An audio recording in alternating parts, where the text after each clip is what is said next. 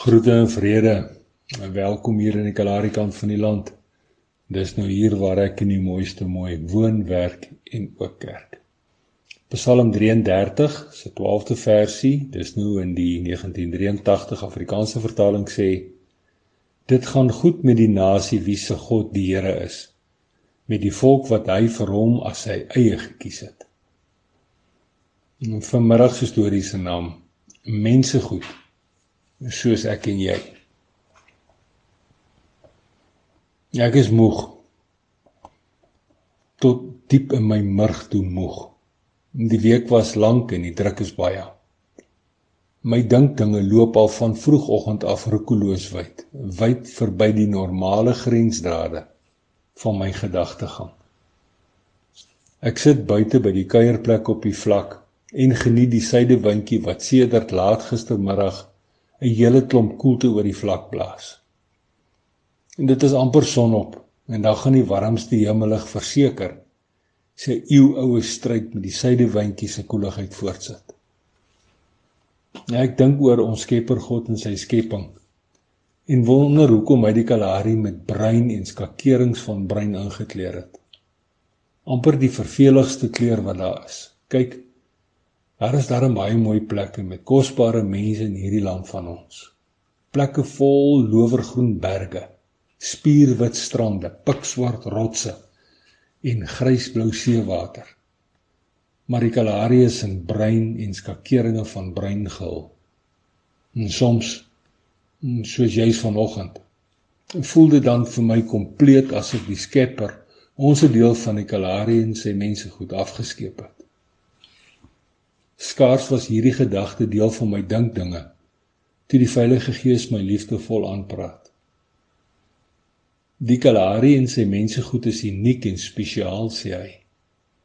Nêrens in Suid-Afrika of op die ganse aarde is daar nog 'n Kalahari of sy mense goed nie. Onthou, ek het eers die Kalahari se mense goed met die hand uitgesoek, lank voor die grondlegging van die aarde. En daarna met my oog op hulle as die Kalahari se kosbares, het ek die hele Kalahari noukeurig gemeet, gevorm, gepas en toegevestig. Vertel tog meer asseblief, hoor ek myself hardop sê. Skaars het die suidewindjie my woorde oor die vlak weggevoer toe die Heilige Gees opeens verder gesels. Alles gaan oor my eer. Daarom is die Kalahari 'n plek waar voorwêreld mense goed die seer van die lewe en die lelik van die wêreld kan vergeet. 'n Plek van manna en melk, kwartels, heuning en lewende water uit 'n rots. Alles mag miskien ver verwyderd wees in die Kalahari. Alles behalwe ek, die Almagtige. Ek is in totaliteit opgevang in die omvang van sy hartswoorde. 'n Wit oog staar ek vol verbasing oor die uitgestrekte Kalahari vlak wat voor my lê. 'n Uitgestrektheid waar 'n oormaat klip, rooi duinsand en eina eina plante groei, hard, duidelik en pretensieloos met jou siel praat. Dit is nou daardie soort praat vol bemoedigende woorde wat ander mense goed ook moet hoor onhoorbare woorde wat die vermoë en potensiaal het om mense goed uit 'n versmorende kunsmatige wêreld te ruk. 'n Woeste, wrede en aangeplakte wêreld waar Mammon se woord altyd op die hoogste duin staan.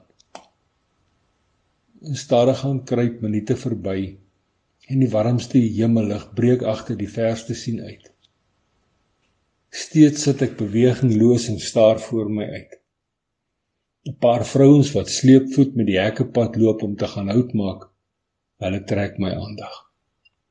Ek herken elkeen van hulle. Die meeste eintlik almal van hulle is skugter en skaam. Hulle leefstyl is eenvoudig en so half eenkant.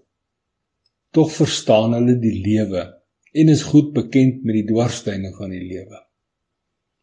Hulle weet ook van vergenoegdheid.